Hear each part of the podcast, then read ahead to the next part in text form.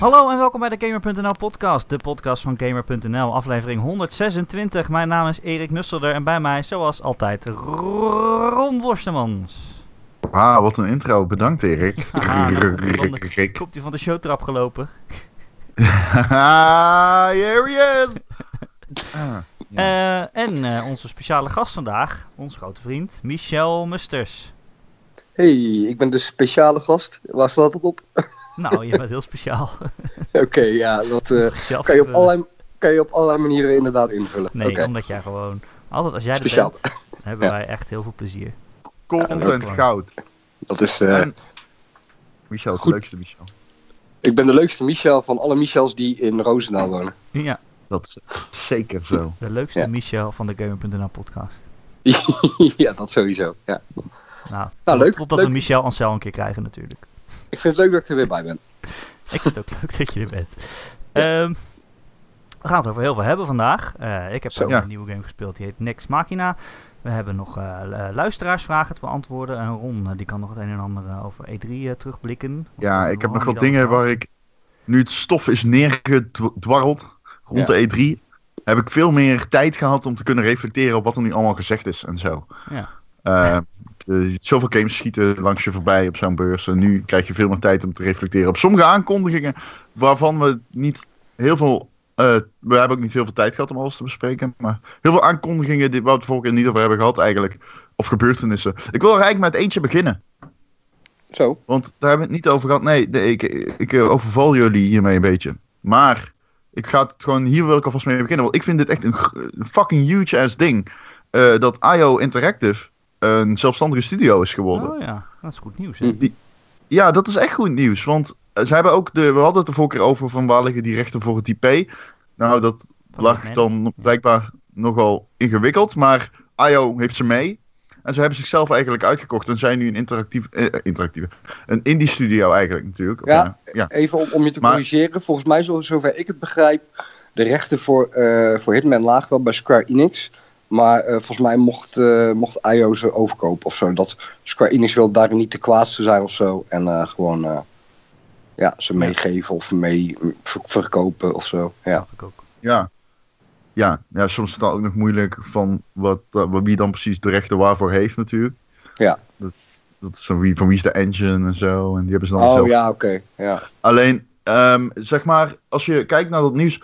Het is best wel. Ik vind het echt heel erg fijn voor ze. Dat ze. Want die game ging best goed. En toen. Ik, ze- ik- zeg maar, ik ben nu ook die episode 1 weer opnieuw aan het spelen. Die heb ik echt al vijf keer gedaan de afgelopen drie maanden. Het is echt vet. Ehm, echt cool. Hij is nu ook gratis. Ja, de eerste, Ehm. de eerste aflevering, zeg maar, de eerste level, Ja, de eerste episode episode, één, is Parijs. gratis. Ja. Dus dat is vet. Ehm, maar ik, wil dat, eh, ik ben er blij om. Dus. Alleen wat ik me dus afvraag is: ik weet niet of dat die studio. ehm, zeg maar. Mogen zij gewoon met de engine verder en zo? En eh, misschien nog een betere vraag. Moeten zij een uitgever gaan zoeken nu? Want kan, kunnen zij episode 2 zelf nog maken zonder budget? Of? Nou, Ja, dat is de vraag. Misschien- Ja, season 2. Zeker Ja. 1. Ik bedoel 2. Oh. Nee, je zei, je zei episode. Ja, episode. zeg maar. Ja, Oké, ja. Ja. Nee, eh, ja, ik, ja, goede vraag. Maar ja, wat de meeste indie studio's doen die geen uitgever hebben, dat is gewoon eh, een Kickstarter starten natuurlijk. Ja, dat zou natuurlijk ook kunnen. Maar ze zouden ook gewoon een uitgever kunnen, kunnen vinden, inderdaad. Ja. Ja. ja, je weet het niet. Ik denk dat er genoeg uitgevers zijn die wel wat voor Hitman, eh, in Hitman willen even Zeker. investeren. Dus eh, ik die denk dat zullen ze op dit moment wel gesprekken hebben hier en daar. En, eh, Ja, het zal voor IO ook wel fijn zijn om een fatsoenlijke uitgever te hebben, eens. ja, genoeg, Wat heb je genoeg, uit, ja, Ja. genoeg uitgevers die in Hitman wel een eh, hit zien. Ja. hey, Ahaha. Ojo, ojo. Wat heb ik tegen Square? Ja, niks, maar het is raar, niet de beste uitgever soms. Sommige dingen zijn ze niet zo goed. Nee, bijvoorbeeld eh, games eh, op een goed tijdstip aankondigen en niet 16 jaar van tevoren. En op een goed tijdstip uitbrengen, dat is ook een... ze kunnen ze niet goed aankondigen en ze kunnen ze niet goed uitbrengen. En Nee, maar soms zijn ze wel leuk. Dus ja, ze zijn wel leuk, ja, soms. ja. Final Fantasy 5. Goed, dat wilde ik dus nog even kwijt. Oké Ron, zullen we straks weer verder over de E3, maar ik wil eigenlijk eh, iets heel anders eh, bespreken. En Er is namelijk gewoon een game uitgekomen, net eh, vlak nadat de E3 was afgelopen. En daar hebben we natuurlijk nog helemaal geen tijd voor gehad. Dan heb ik het over ARMS op de Switch. Toch wel een Switch Ja. exclusive waar veel mensen naar uitkeken. Eh, Is dat zo? Dat weet ik niet. Nou, je bent überhaupt blij dat je een Switch exclusive hebt. Tenminste, op dat moment dacht je nog van, Ja. nou, eh, je mag er blij mee zijn. Maar nu eh, lijkt het heel wat rooskleuriger inmiddels, na de E3. Ja. Van ja. games die zijn aangekondigd. Maar ja, ARMS, toch wel de Nintendo blik op een fighting game. Michel, jij hebt hem gespeeld, gerecenseerd. Ja. Is het nou zo'n Switch exclusive waarvoor je gelijk naar de winkel moet rennen? Nee, dat gaat een beetje ver. Ehm, ik heb een, nee, ik- het- is een game die, je zeker, die ik zeker aan kan raden wanneer je een Switch hebt of als je er eentje haalt. Eh, eh, natuurlijk ren je naar de winkel voor een Switch voor bijvoorbeeld Zelda, eh, voor straks voor Mario Odyssey. Maar ARMS is dan zo'n leuke tweede game die je erbij kan kopen. Snap je wat ik bedoel? Ja. Dat is, het, is, het, is, het is een fijne game om het bij te hebben. Maar niet eentje waar je, zeg maar, die je echt maanden alleen maar gaat spelen in je Switch. Wat mij betreft in ieder geval. Ehm, nou denk ik sowieso dat een console misschien niet echt eh, een fighting game als killer app Nee. eh, heeft. Misschien Soul, de eerste Soul Calibur op de Dreamcast is misschien een uitzondering. Maar eh, daarbij is ARMS wel iets minder diepgaand dan de gemiddelde fighter, naar mijn mening. Leg even uit, hoe werkt het precies? Ja. Eh, nou, je kan kiezen. Je kan, je, nou ja, even de, de, de, de, normale manier van besturen is eigenlijk... je haalt de Joy-Cons eh, van, je, eh, van je Switch-console af. Je houdt in elke hand een Joy-Con. En door... Ja, de camera die staat achter je personage. Je bent in een arena. Je vecht tegen een ander personage. En door je Joy-Cons naar voren te stoten... stoot je je armen. Een beetje zoals Wii-boxing. Alleen dan met het verschil dat je armen eigenlijk gigantische springveren zijn. Dus eh, dat, dat, dat je box, bokshandschoenen een heel eind naar voren vliegen. Daar komt het in feite op neer, het spelprincipe. Heb ik het een beetje duidelijk uitgelegd? Ja, ik, eh, wacht, dus je zit eigenlijk te boksen, te schaduwboksen. Bam, bam, bam, bam. Ja, in Of, feite wel. Alleen het is wel ja. een stuk preciezer dan vroeger met Wii-boxing. Omdat de Joy-Cons eh, en waarschijnlijk ook gewoon eh, de ontwikkeling van de game een stuk verder zijn gegaan. Dus ehm, het is preciezer, laat ik het zo zeggen. Je bent niet, je bent, je bent niet meer heel, zoals bij Wii-boxing, als een gek heen en weer aan het slaan met je armen. Je bent echt wel wat preciezer en eh, wat meer, met meer timing knallen aan het uitdelen. En dat is ook het mooie van de Joy-Cons. Die zijn zo precies dat je zeg maar, als je ehm, een bocht maakt in je, in je armslag met de Joy-Con, dan, dan wordt dat ook geregistreerd. En dan maakt dus zeg maar de springveer waarin je bokshandschoen zit, eh, maakt ook een bocht. Waardoor je zeg maar voorbij de verdediging van eh, je tegenstander kan. Dus in feite ja, ben je hem dan aan het flanken met je bokhandschoen. Om het zo maar even eh, te noemen. Ik snap het. Maar omdat het is, het is, het is, er zit, ja, kijk, weet je, een gemiddelde vechtgame heeft natuurlijk, ja, per personage, ja, tientallen moves, combo's, et cetera. En hier is het eigenlijk alleen, ja, met je linkerarm doe je linkerklap, met je rechterarm doe je rechterklap. Doe ze allebei tegelijk en je doet een eh, throw. Eh, ja, en dan kan je nog verdedigen en rondlopen. Maar dat zijn eigenlijk je moves wel. Dus Oké. dat Mag is ik gewoon vragen? wat- Ja? Eh, al- nee, sorry. Ga nog, Oh, maak je punt. Nee, om nog even door te gaan. Dat, dat, daar zit niet zoveel diepgang in. De game voegt wel diepgang toe op andere manieren. Eh, bijvoorbeeld het feit dat je voor elk gevecht uit drie verschillende soorten bokshandschoenen kan kiezen. En die zijn voor elk personage anders. Gedurende de game ontgaan je er nog meer. En die bokshandschoenen hebben wel eh, invloed op, ja, op wat voor manier je aanvalt. Op wat voor soort slagen je geeft. eh, op je strategie tijdens het gamen. Dus die zorgen wel voor wat variatie. Maar het, het, het, komt nog steeds niet het heeft nog steeds niet evenveel diepgang als een eh, gemiddelde fighter met talloze moves en combo's. Dus dat.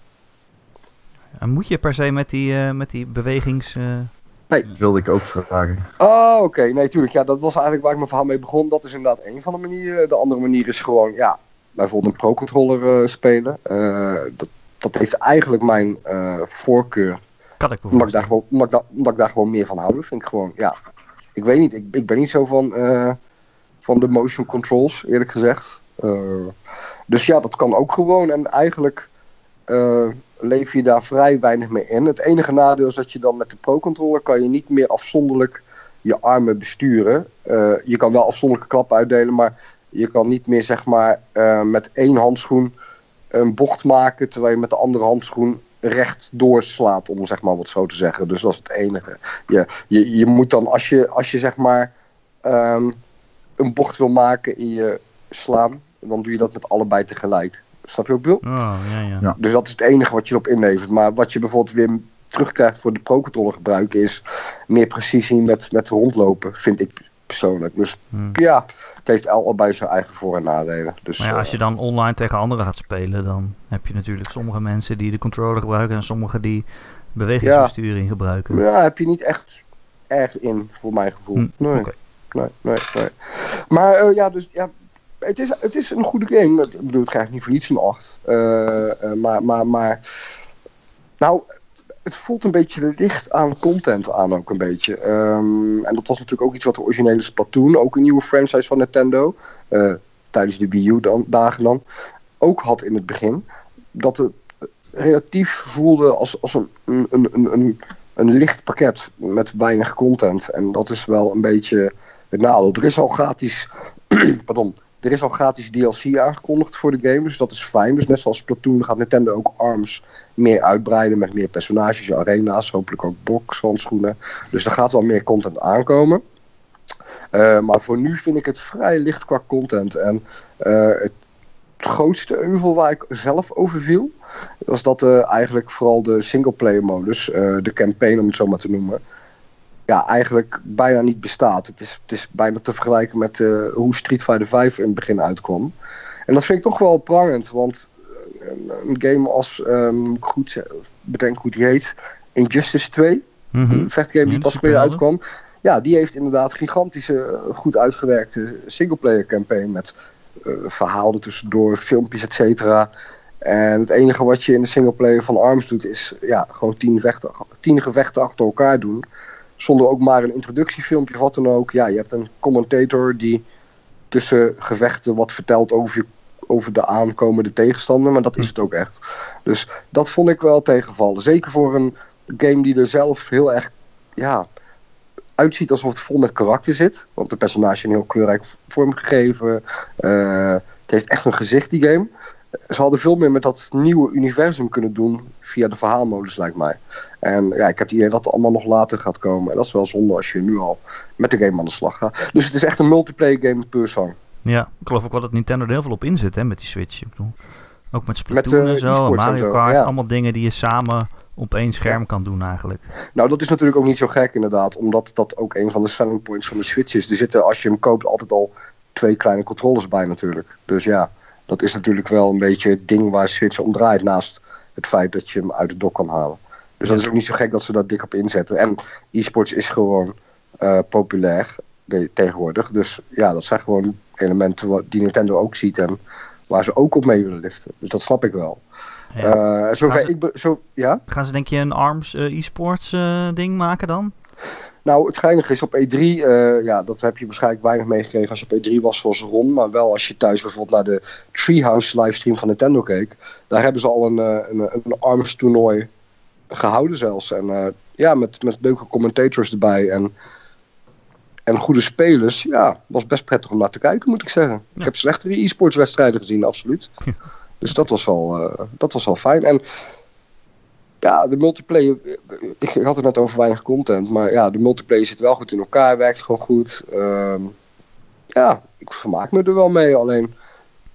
Ja, wel in redelijk kleine porties. Het kan mij niet urenlang elke dag geboeid houden. Nee, daar vind ik het dus nog echt te weinig diepgang voor hebben. En dat heeft ook misschien wel te maken met het feit dat als je online speelt, natuurlijk helemaal niet kan communiceren met mensen. Ik bedoel, Nee. eh, de online eh, opties die moeten allemaal later dit jaar nog toegevoegd worden aan de Switch, waar je dan voor gaat betalen. En hopelijk voegt dat ook eh, ja, nieuwe mogelijkheden voor communicatie toe. Maar het schijnt dus dat dat allemaal via je mobiel gaat lopen, wat echt gek is. Maar bijvoorbeeld, toen ik ARMS aan het recenseren was, ging ik even met Thijs Barnhart, een redacteur eh, ook voor Gamer, maar ook voor Inzet Gamer. Hij, hij recenseerde ARMS voor Inzet Gamer. En toen gingen we tegen elkaar spelen online, hè, om eh, dat ook eh, mee te krijgen voor de recensie. En toen waren we eigenlijk snel tussen potjes een beetje met elkaar aan het communiceren via Slack, via zo'n chatprogramma. Om in ieder geval even tussendoor te roepen van, oh je had me, of... eh, Ja, elkaar dit was moeilijk, ja, weet je, ja, ik weet niet. Ik vond het zo. Ja, het is. Je kan de game er zelf niet op afrekenen. Het is meer gewoon de console dus die daar gebrekkig in is. In, Ja. in communicatie.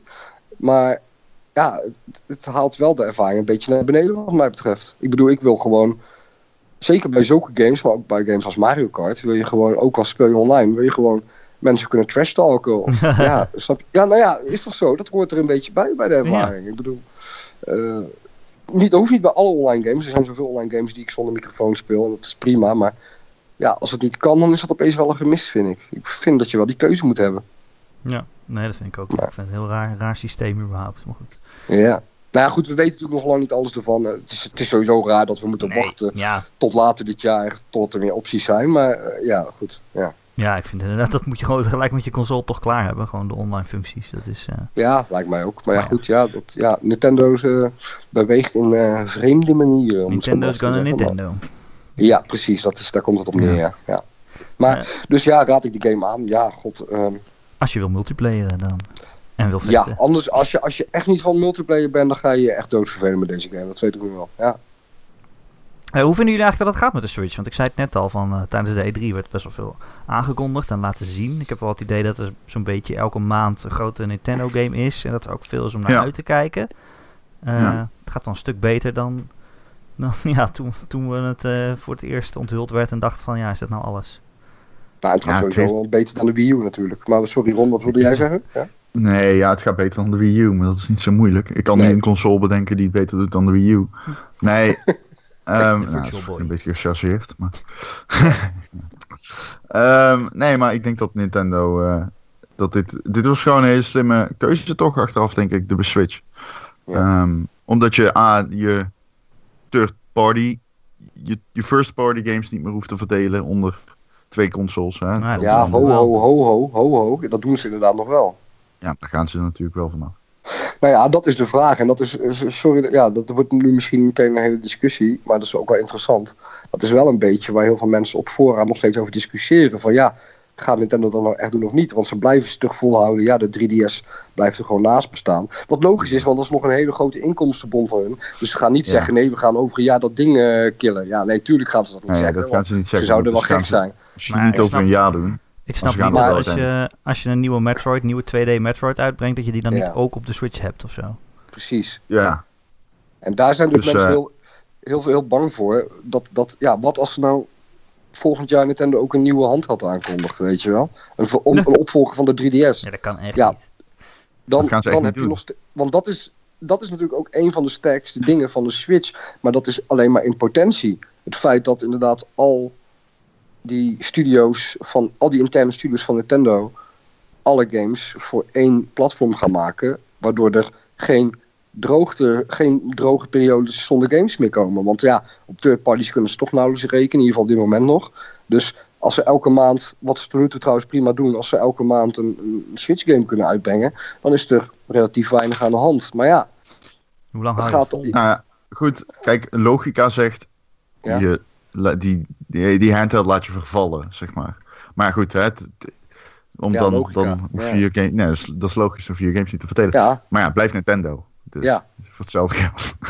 dus heel veel mensen zijn, zijn op fora, op NeoGAF en op andere fora best wel bang dat die potentie van een unified platform waar alle Nintendo games op verschijnen, dat dat toch niet echt doorgaat. En, en, en ehm, ja, dat is natuurlijk wel eh, ja, spannend om het zo maar te zeggen. Want dat haalt meteen een van de grootste potenties van het systeem weg. Als er straks een opvolger van de 3DS komt. Ja, Ja. Dat ga, ik geloof nooit dat ze dat gaan Ik denk ook niet dat het gebeurt, maar het blijft Nintendo, dus je weet het. Juist. Nee. En het helpt ook ik niet geloof het ook niet, maar het het, kan het zomaar ook zijn. het helpt ook niet dat ze inderdaad met interviews op E3 constant zeggen van eh, ja, eh, de 3DS eh, gaan we vol nog tegenaan. En dat ze inderdaad nog genoeg vette games voor aankondigen. Dat helpt allemaal niet mee natuurlijk met die angst. Eh, ik snap dat ze- waarom ze het doen nogmaals. Want ja, het is nog steeds, het is, ze halen nog steeds, het is nog een grootste, hoe moet ik het zeggen, uh, grote winstplatform. dit afzetmarkt ook gewoon. Er zijn Ja. er weet ik veel hoeveel miljoen verkocht. En eh voor de Eh, Switch natuurlijk, hoe goed die ook gaat, pas 2 of 3 miljoen. Dus Maar als je het daar zou- een game op ja. uitbrengt, dan ga je hem veel, veel vaker Maar- verkopen. Maar ja, Juist. Daar wilde ik Maar- het dus eigenlijk een beetje over hebben. Oh, want we moeten denk ik maar naar het onderwerp de Switch teruggaan. Ja. Dus gaan we het alleen maar over de 3DS. ja nee, natuurlijk. Ik denk dat die wel, dat die installed base, ik denk dat die best wel groot gaat zijn, uiteindelijk. Mhm. Omdat Mhm. Heel veel mensen willen gewoon die nieuwe Mario en die nieuwe Zelda spelen. Ja. En ik denk toch dat die third parties wel komen. Het zal vooral een kwestie van tijd zijn, denk ik. Als de afzet groter is. Maar ik denk dat het zelf wel groter wordt. Ik denk niet dat die third parties gaan komen. Waarom niet? De Het is de eerste keer dat Nintendo Nou- een console heeft waarbij third parties, los van het, ehm, ja, los van het zeg maar, het downgraden van je eigen, van, van zeg maar, ja, ja, eh, zeg maar, je draait op veel lagere hardware, veel mindere hardware. Dus ja, ja. dat moet je in iedere game die je wilt porten, zul je daar een weg voor moeten vinden. Ja. Maar de control scheme is gewoon Ja, super hetzelfde. En Ja, voorheen was het bij de Wii U en bij de Wii was het gewoon kut. Kijk, en de 3DS heeft daar met die 3D een be- beetje ook mee geworsteld. Alleen is dat natuurlijk minder ingrijpend, omdat dat weinig voor de gameplay doet. Maar Ja. dat zeg maar, third gewoon op een gegeven moment zeggen, ja, oké, Nintendo doet dit gewoon beter. Ehm, we gaan hier niet echt op zitten. En zeker niet met ports, want dat wil toch gewoon niet werken. En nu ze hoeven niks te doen, in principe, aan Ja. dat Nou ik ja, denk echt niet dat je een Assassin's Creed op de Switch gaat krijgen of zo. Ik ben het dus niet dat is je... lelijker zijn. Ik Nou ben, ja, het dus ook, maar ik ben het dus ook niet helemaal met je... één ding. Ja? Maar Assassin's Creed is maar één game. Nee, FIFA wordt maar. Nee, oké. Maar ik ben het niet helemaal FIFA met je wordt eens van... Nee, maar Ron, ik ben niet helemaal met je eens dat, dat je zegt... Ontwikkel, of, eh, uitgevers hoeven bijna niks te doen. Want het, een nieuw platformversie erbij... daar gaat heel veel manuren en heel veel Ja, ja. eh, eh, geld in zitten. En eh, heel veel uitgevers denken, is dat het risico waard? Terwijl de, de Xbox One en de PS4-versie van die game kan nagenoeg hetzelfde zijn en echt naast elkaar ontwikkeld worden. En ik denk dat het voor heel veel uitgevers nog steeds een te groot risico is en zal blijven. Persoonlijk. Nou, het, maar ligt goed, er- ja. het zijn denk ik verschillende dingen die je dat dan in de ogenschouw nemen. Ten eerste, ik denk dat de Switch... Iemand die al een Playstation heeft, koopt Assassin's Creed op de Playstation. En niet Ja. op de Switch, denk ik. Dus dat klopt. Alleen, ik denk, als de install base groter wordt van de Switch... En aangezien Nintendo nu heel erg bezig is met eh, nog meer kweken van afzet, zeg maar. Nog meer Mhm. Switches te produceren. Door de stocks eraan te vullen.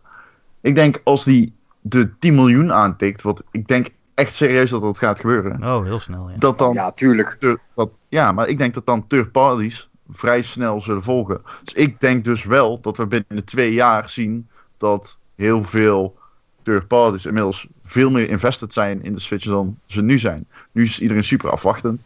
Maar zij zien toch ook wel dat als de afzet kan stijgen, dat Ja. ook in potentie hun ehm, grote eh, Ja. licentie niet hoeft. Nou, Ja, wat ja, jij goed. bedoelt, want het kost gewoon minder Ja. moeite om iets op een Switch te downgraden dan naar een Wii U, omdat je daar nog helemaal een extra scherm hebt of zo. Of naar een Wii waar je dan met bewegingscontrols iets moet doen. Dus ik snap het wel. Het is Ja, wel hetzelfde idee Het is een toegankelijk platform om naar te poorten waar het niet dat er technisch heel veel bij komt kijken. Maar dat zijn allemaal van die kinken in de kabel. Maar je hoeft niet iets nieuws die- te verzinnen. Ik denk dat ze daar echt wel uitkomen. Zeg Ja, maar. de kleven de speelt kle- echt de- als een trein op de, op de Wii Switch. Ja, dat is wel zo. Maar er kleven nog meer nadelen aan eh Switch-ontwikkeling voor, eh, voor andere uitgevers natuurlijk. Onder andere de kleine file size. eh, eh, waardoor Ah, ja. ze een, eh, een game echt eh, enorm eh, moeten eh, ehm, ja, condenseren in een kleinere ruimte, zeg maar, om het zo maar te zeggen. Eh, daar gaat ook tijd en geld in zitten. En het grootste probleem is nog steeds voor veel third parties dat Switch-eigenaren kopen vooral Nintendo games. Dat is gewoon waarschijnlijk nog het grootste, het grootste probleem. Dat is altijd zo geweest en dat is, dat is gewoon heel gevaarlijk. Voor het, Maar ik denk maar toch dat het het zorgt ervoor dat het groot is. risico is. Ik Ja, denk denk dat het ook anders dat is het omdat het ding ik hoop het draagbaar jongens, is. maar ja, ja. Omdat Ja. draagbaar is. En ik denk Ik als ik het ook. onderweg Ja. een shooter kan spelen of, of, of draagbaar, ja, weet ik veel, een andere grote game waar ik misschien thuis niet aan toe kom, maar dan zit ik in de trein en dan eh ja, ik snap speelt het. het toch Ja. beter. Ik denk toch Ik dat denk het ook- toch anders is. Ja, ik denk ook dat er heel veel mensen zijn inderdaad die het gewoon tof vinden dat ze een AAA grote titel die normaal, zeg maar een echt volwaardige console game, dat je die nu in de trein kan spelen. Je ziet het met Zelda. Iedereen vindt die shit zo fucking lijp Ja. dat dat kan. Ja. Ik heb geloof ik al Ja, eerder ik gezegd, maar belangrijk is. Ja, ik- ja. ik, ik zou eerder toch nu een FIFA gaan kopen en dan voor de Switch, zodat ik onderweg eh, gewoon een Ja. paar potjes voetbal kan spelen en een, en een carrière kan doen. Wat ik thuis niet helemaal ga doen, maar onderweg misschien wel leuk is om af en toe te voetballen. Ja, maar dan moet in Maar ieder het is geval wel zo dat die versies er minder zorgen Dat, Mhm. Er moet, Dat moet is dan wel wel jammer. Er moeten uitgevers Sorry. inderdaad wel voor zorgen. Ja, nee, maar het haakt inderdaad in op wat jij zegt, Ron. Er moeten uitgevers er wel voor zorgen dat het echt volwaardige games zijn, inderdaad. Kijk, FIFA, die heeft dan bijvoorbeeld weer niet de Journey. Eh, Journey, ja. eh, de Journey, sorry, is gebaseerd op, is Ja, dat is gebaseerd op, belangrijk. is gebaseerd op een FIFA van een eh, jaar of drie geleden qua gameplay, Nee. qua engine. Jawel. Oh, ja, dat. Ja, ik Eh, Journey. Ja, nee, inderdaad. Eh, en, en, en het probleem is dat, dat veel gamers, veel Switch-eigenaren, net zoals veel Wii en Wii U-eigenaren, zijn, zijn gewoon net, net zoals andere mensen trouwens, maar zijn gewoon intelligente mensen. En die laten ports, die, laten ports die, niet, die half bakken zijn liggen. Eh, terwijl- en third parties zien dan, oh hij verkoopt slecht, nou dan proberen we het niet meer. Dit was, dit was ons test. Maar zorg dan als je die maar test met een game op de Switch, dat je wel een volwaardige game uitbrengt. En inderdaad niet een halfbakken port. Want dan krijgen de gamers vervolgens de schuld dat ze niet kopen. En komen er geen third-party games meer vooruit. Dat is gebeurd op de Wii. En ook heb je de Wii U, maar de Wii U was sowieso genoemd te falen. Maar ook op de Wii. En dat is het gevaarlijke. Dus ik bedoel, niemand is een grotere Nintendo-fan dan ik eh, van de redactie. Ja, ik weet het, maar ik vind de Wii echt een ander apparaat om naar te porten, man. Ik vind dat je die Ja. vergelijking niet mag maken. Kijk, je kan het bekijken vanuit Nintendo-perspectief, maar ik denk me gewoon van, oké, als dat ding in de winkel ligt en je kan er inderdaad de nieuwe Call of Duty bij ko- kopen, Ja, ja. dan krijgen heel veel kids gewoon Call of Duty op de Switch ja. voor een verjaardag. En ik denk zeg maar meer als, ik ben een beetje zeg maar aan het denken in het kader van hoe, gewoon hoe het commercieel Mhm. Kijk, als zo'n ding echt go- goed verkoopt, is hij niet meer afhankelijk van Nintendo-fans. Dat is hij misschien nu nog wel, maar dadelijk op een gegeven moment is hij dat niet meer. De Wii Ja. was dat ook niet. ja. Eh, dat kan wel de creatieve doodsteek zijn van zo'n apparaat en zo, et cetera, et cetera. Maar ik- zoals bij de Wii is gebeurd. Maar Nou, weet je wat het is? Ik hoop, ja. ik, hoop, ik hoop wel dat, ik hoop dat het op deze manier een succes wordt. Want het is net wat jullie zeggen. Ik vind het echt een topapparaat. Ja. Gewoon het feit dat je hem overal mee naartoe kan nemen, inderdaad. Maar dat het wel voelt als een console-ervaring. ook al neem je hem overal mee naartoe. Dat, dat maakt het voor mij, dat vind ik heel fijn. En eh, inderdaad, eh, ik kan bijvoorbeeld ook niet wachten om de Rocket League op te spelen en dergelijke. Alleen, zo, er is natuurlijk. Er is natuurlijk ook nog een ander probleem wat verkoop betreft. Want we hebben het wel over snel verkopen. eh, en de 10 miljoen gaan ze wel halen, want dat is hun forecast. eh, voor, voor het Ja, eind ja. van het fiscale jaar. Ja, Dus- en- en, en dat- wel. En dat, is een, en dat is een hele voorzichtige voorkast ook nog. Het probleem is dat dat ding, eh, dat ze te weinig van die apparaten kunnen maken om hem eh, nog meer te verkopen. Dat is het probleem ook een beetje. Ja. Als ze die Ja, dingen, maar daar zijn ze nu mee bezig. Ze zijn de productie ja. op het...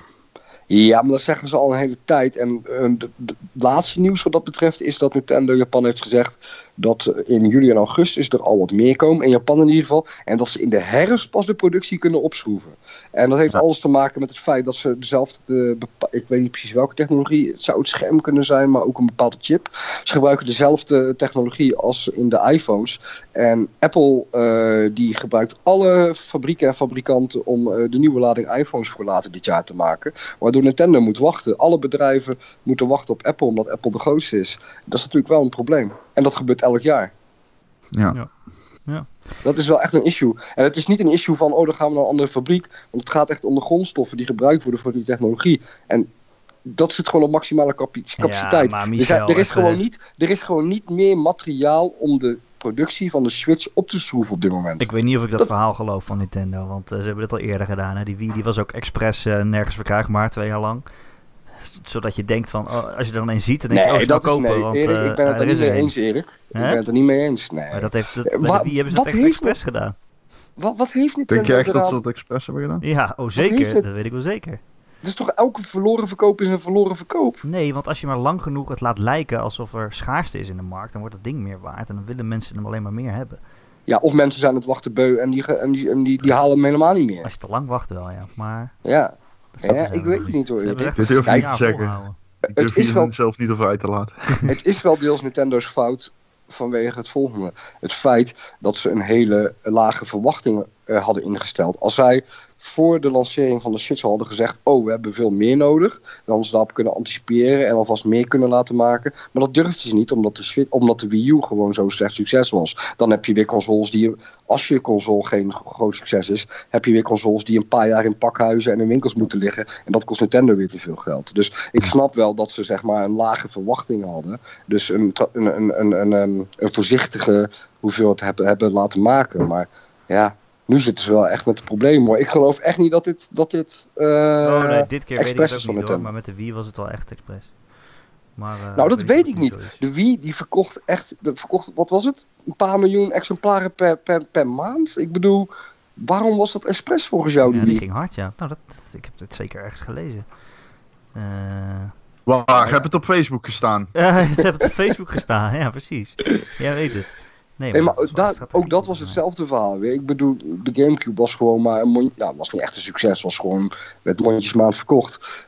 Ik denk dat Nintendo ook net zo verrast was van het succes van de Wii. En eh, daar niet op voorbereid was. Ik, ik, ik, de, kijk, het enige waarvan ik wel denk dat het opzettelijk schaars was, dat was de NES Mini. En dat heeft Nintendo van tevoren Ja. gezegd. Dit is een Ja. ding, dat is een collectors item, daar willen we maar een paar van uitbrengen. Daar ben ik het volledig mee eens.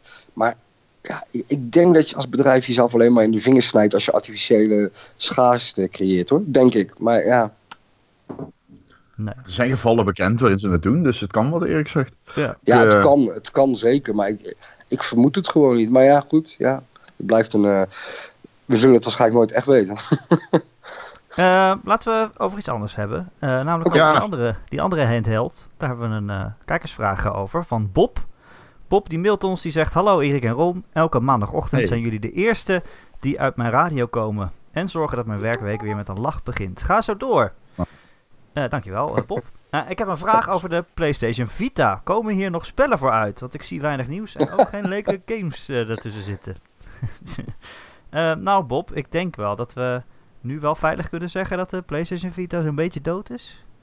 Ik, eh, Nou? ik, ik heb het net nog op zitten zoeken en er komen niet heel veel games meer voor uit. Nee, vorig, ja- Nee. vorig jaar waren er Ja. echt nog wel een paar topgames, maar dit jaar is het wel... eh, Nee, maar in, in, in Japan komen er toch nog wel heel veel vage, eh, ja, ja, vage titels vooruit, of niet? ja, Geen grote, maar wel vage. als je echt nog Japanse vage titels wil. Maar dan heb je het Ja. ook echt over de vage titels, hè? En niet de Japanse games die we Er komen nog een paar. Japanse games op uit. Er worden- de, dat klopt. En dan, eh, dan, dan, eh, daarna dan, eh, is het eh, afgelopen, hè? Ja. Het is Vita echt is live. afgelopen. Vita is live. Vita is Ja. Het is wel mijn favoriete console, maar ik geef toe, het is nu wel zo'n beetje afgelopen. Maar Ja. ja. ja, dat komt ook denk ik ook omdat die Switch eh, dat een beetje heeft overgenomen. Hè. De indie games eh, die eerst allemaal naar de Vita kwamen, die, eh, die gaan nu ook Ja. eerst of, of liever naar Nintendo. Naar het nieuwste ding. Dat snap ik ook wel. Ja. Op een gegeven moment is het tijd voor iets nieuws. Ja, ik denk dat je, ik denk dat je vinger precies op de juiste plek legt. Ik denk dat dat het is, ja. Eh, eh, de, of de, de Switch lijkt ook gewoon, als je hem als handheld meeneemt, lijkt het ook gewoon een beetje op. eh, je hebt een krachtige handheld in je handen dan. Ja. Ja. je legt de vinger precies op de juiste plek. Dat is ook wel Dat is het. Dat vind ik jammer. Ik vind het zo'n lekkere console, die Vita. Undertale komt er trouwens nog op. Dat Ja, is maar, tijdens de E3 bedoel- aangekondigd. Ik denk dat de Vita een prima levensloop heeft gehad. Ook wel veel beter dan dat, dat hij het eigenlijk had moeten hebben. Als we, ja, ik bedoel, want Hm. Sony heeft hem echt voor geen meter gesupport. Maar Nee. Ja, weet je, hij is nooit echt heel, een echt groot verkoopsucces geweest. Maar ontwikkelaars die zeiden wel van mensen die een Vita hebben. Wat zijn er verkocht? Misschien 20 miljoen of zo? Mensen die een Vita hebben. nee, wel meer volgens mij ook. Nou, man. Ja. men- mensen die erin hebben, die kopen ook wel veel games. Dus een spel Ja. uitbrengen op de Vita is, is nog wel slim. Omdat je afzetmarkt misschien kleiner is. Maar het zijn wel meer mensen die games kopen. Dus voor heel veel indie developers was het best wel goed om, om daar spellen op uit te brengen. En zelfs vorig jaar zag je dat nog met, met Severed eh, Ja. van Drinkbox. Het studio die de console veel heeft ondersteund. Eh, die kwam eerst naar de Vita en daarna pas naar, naar Android en zo. Dus, het heeft eh, mij sowieso eh, best wel verrast hoe eh, Sony toch eh, met de PSP en de Vita best een aardig marktaandeel heeft gekregen in de handheldmarkt. Eh, ondanks eh, de monopoliepositie die Nintendo daarin had. Ja. Ja, maar het is nooit zo'n succes als de PSP geworden natuurlijk. Dat wel, eh, Nee, dat niet, dat niet, dat niet. Nee, nee, nee. En ik denk, wat denk jij eh, Erik? Gaat eh, Sony ooit nog, eh, en, en Ron, ook voor jou de vraag Ron, eh, gaat, ga, ja nee, ik bedoel, gaat, eh, gaat eh, Sony ooit nog eh, een, een opvolger uitbrengen op de. PSP en Vita? Ik ben bang van niet, man. Ik zou het leuk vinden, Nee. maar ik ben bang van niet. Ja, weet je, ze zouden Nee. er wel gek genoeg voor kunnen zijn. Of, of arrogant Nee. genoeg voor kunnen zijn om het te proberen. Ja, ja. Maar, eh, Ja, misschien Nou ja, ooit, dat kun je niet zeggen. Maar het zal, er is geen... Er zit niks in de pijpleiding, denk Nee. ik. Nee, maar zou, zou, zou, eh, zou, zou het succes van de Switch hun juist weer niet triggeren om toch een soort van handheld, of misschien wel een handheld die ook op de tv kan aansluiten? Nee, nee? nee? dat is gewoon geen jatten het Nee. idee. Ja, dat kan natuurlijk. Nee, ze kijken ook Nou. naar de markt in Japan, hè. Ook daar heeft... eh, ik bedoel, kijk naar de 3DS. Nee, het is over. Alleen, Handheld, ik- Ja. Ik vind, ik ben wel... Het is ook zo dat de Switch heeft eigenlijk gewoon de Vita's rol ook overgenomen. In die zin, de indies. De Vita heeft, had een hele indrukwekkende line-up aan indies. Ehm, wat jij al zegt, Erik. Maar ik vind het dus ook mooi dat de Switch dat nu ook aan het krijgen is. Nou ja, Sony is sowieso hun relatie met Indies een beetje aan het vergallen. Dus dat helpt ook Ja. niet echt. Ja, Eh. ja, Microsoft heeft juist dan weer hè, met ID at Xbox juist weer probeert dan weer een beetje. Ja, en Nintendo, eigenlijk ja, zijn er ja. altijd heel consistent geweest. Alleen iedereen in die dacht, dacht natuurlijk, ja, ik ga naar Sony. Want ten tijde van de launch van de het hele traject naar de Xbox One was heel onvriendelijk. eh. sowieso wordt er altijd geklaagd door Indies over de service zelf. Ja. Eh, alleen nu zie je wel dat er meer. Hè? Nou ja, toen, toen, de. PS, ja, toen de PS4 net uitkwam, of rond de tijd dat het uitkwam, gaf Sony ook echt super veel aandacht aan indies op persconferenties, op E3, et cetera. En eh, daar zijn ze gewoon de afgelopen jaren, zeker dit jaar, mee gestopt. Eh, en toen, ik weet niet meer wie van Sony het was. eh volgens mij die dude die ook zei dat je een tweede baan moest krijgen om de Nee. PS3 te kunnen kopen. Maar ik weet niet precies wie. In ieder geval Amerikaan, volgens mij Jim Ryan. Of ja, misschien heb ik het fout, dus dat zou lullig zijn. Maar in ieder geval, iemand bij Sony heeft in een interview vorige week ook gezegd... eh, ja, we hebben de indies niet meer zo nodig of zo. Misschien is de quote een klein beetje uit zijn verband getrokken, maar zoiets zei hij wel. En ik vind, ja, kijk nou uit wel wat je zegt, want voordat je het weet heb je ze weer nodig. Net zoals aan het begin van de PS4 eh, zijn levensloop.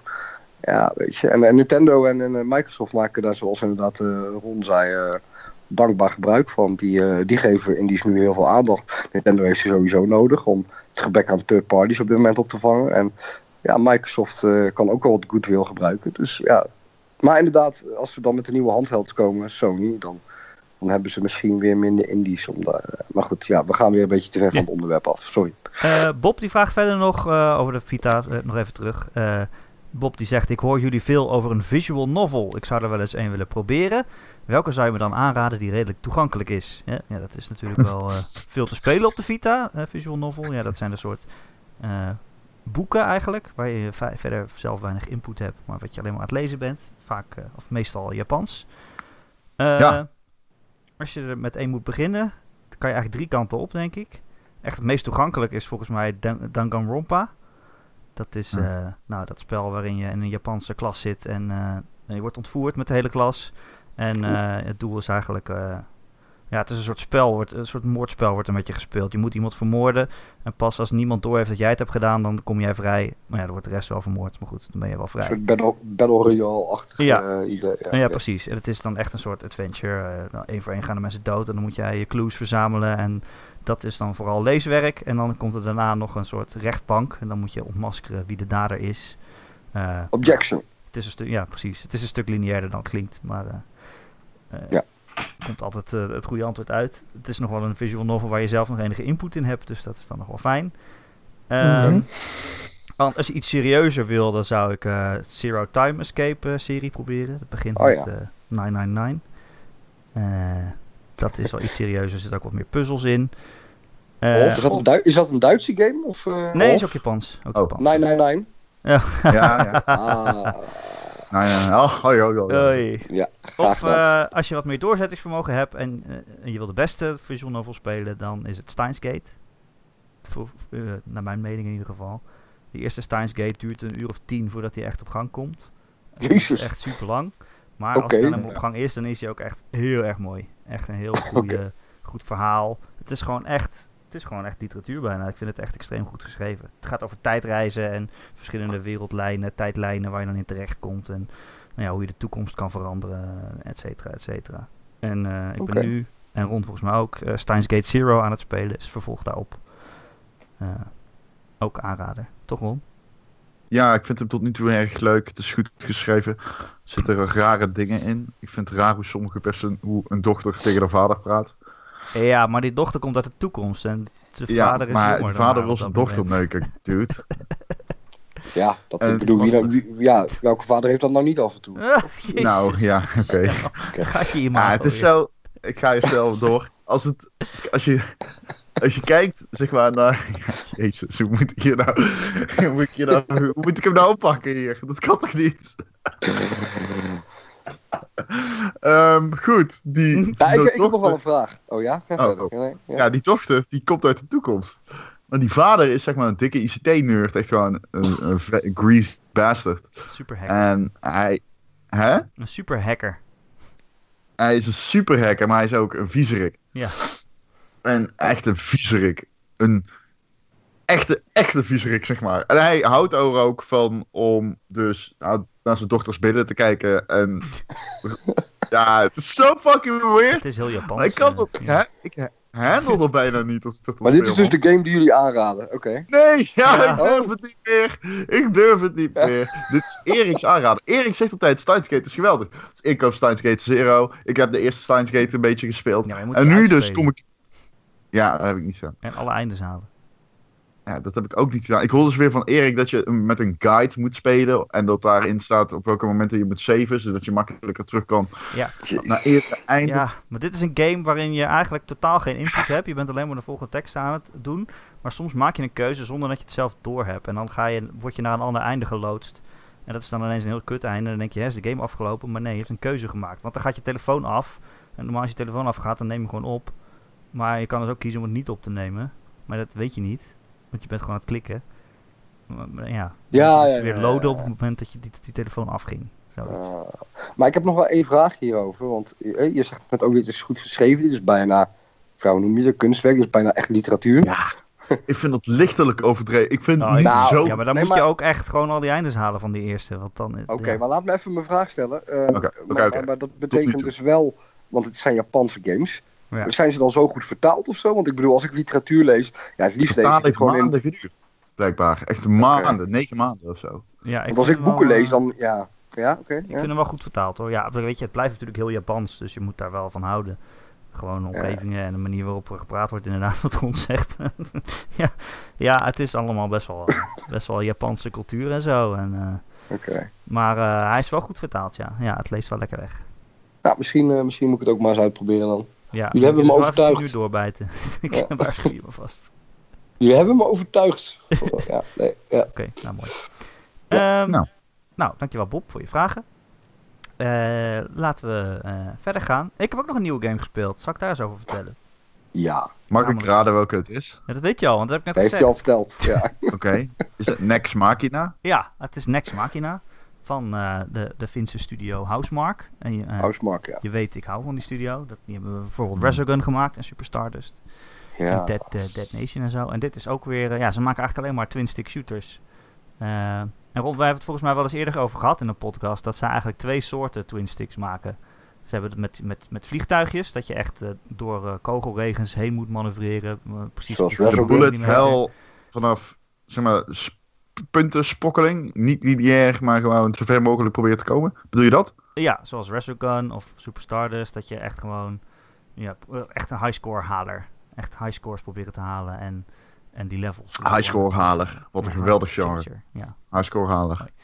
Eh, en ze hebben meer die games zoals Alien Nation en Dead Nation, wat ik dan iets minder vind. Dat je door iets grotere werelden heen loopt. Eh, ja, wat meer de tijd neemt en dan eh, een beetje co-op speelt en zo. Eh, en dit is eigenlijk een soort van combinatie van de twee met, eh, met, de, met de beste punten van allebei. Eh, het is een top-down shooter, dus je bent gewoon een, een mannetje die in een veld rondloopt. Maar het is ook, het blijft zo snel gaan als, als, als die andere games, als die Resoguns. Dus je komt in, een, een level en daar zijn dan, ja, het eerste level, daar zijn dan vijf robots. Die moet je afknallen en dan meteen word je door, doorgeknald naar het volgende level. En het blijft heel erg snel doorgaan en het wordt steeds moeilijker en moeilijker. Op een gegeven moment is het hele veld vol met robots en kogels en denk je, hoe kom ik hier in godesnaam doorheen? Maar ja, het is dus echt, eh, ja, een soort van reflexenspel. Je moet echt door die kogelregen heen weven. Het is echt super moeilijk, maar Oh, daar ben ik al veel te oud voor. Dat wordt hem niet. Ja. te oud, te oud. Ja, je- als je op een bepaalde leeftijd komt, dan is je, je, je reflex eh, neemt af. Weet je wel? Nou, bij mij gaat het nog prima hoor. Ja? Oké. Eh, Zo, wat, eh, kun jij niet meer zo goed eh aimen? Als, Dus jij, ja. eh, als jij een bal naar me gooit, dan komt hij eerst tegen mijn kop voordat ik door heb dat je me überhaupt hebt gegooid. Ja, nee, nee maar. Nee, nee, maar dat, dat is wel een dingetje. Dat is ook met shooters en zo. Het schijnt wel dat je na je 24ste of zo, dat, dat, dat zeg maar je reflex wel een beetje af gaat takelen. Ja? Nou, daar ben ik al ver overheen. En eh twin stick shooters is wel echt mijn specialiteit. Ja? Oké. oké. Maar ja, ik Hey, maar ik persoonlijk, want eh, dit is ook iets waar ik niet zo heel veel verstand van heb, maar gewoon het interesse. Ik vond Resogun ook heel vet. Maar ik vond, ik heb, ik heb al hun daaropvolgende games van Housemark niet gespeeld. En weet je waarom niet? Omdat ze er allemaal niet echt, ik vond ze qua setting er gewoon niet zo interessant uitzien. Ze inspireerden me niet echt om ja, om gewoon de controle op te pakken en eraan te beginnen. En, maar hoe ervaar jij dat dan? Is dat gewoon iets wat ik, omdat ik het van een afstandje zie, denk, maar waar echt niks van klopt? Of... Ja, ik weet niet of dat echt het goede argument is of zo. Want de setting, die, dat, maakt, dat maakt bijna niet zoveel uit. Ja, ik snap het wel wat je zegt hoor, maar als ik, Ja, als ik dit spel nu speel, dan ben je zo erg gefocust op die kogels en hoe je er godesnaam doorheen komt, dat wat er verder omheen gebeurt, dat het eigenlijk nauwelijks uitmaakt. Ja, ik snap Maar- wel als het, als je helemaal tegenstaat dat je er niet aan begint, dat snap ik wel. Maar, Maar als jij zegt inderdaad dat de setting niet zoveel uitmaakt, en al hun games zijn bullet hell shooters in feite, wat, ja, eh, nou ja, die, wat, ja, wat is dan het verschil, weet je wel? nou ja, wat ik zeg, die Alienation en zo, dat, is niet, eh, dat, dat waren niet echt bullet hell shooters. Vind Nee, oké. Dat ja, waren echt ja, gewoon top-down, eh, eh, ja, wel twin stick shooters, maar to- ja, toch een andere soort.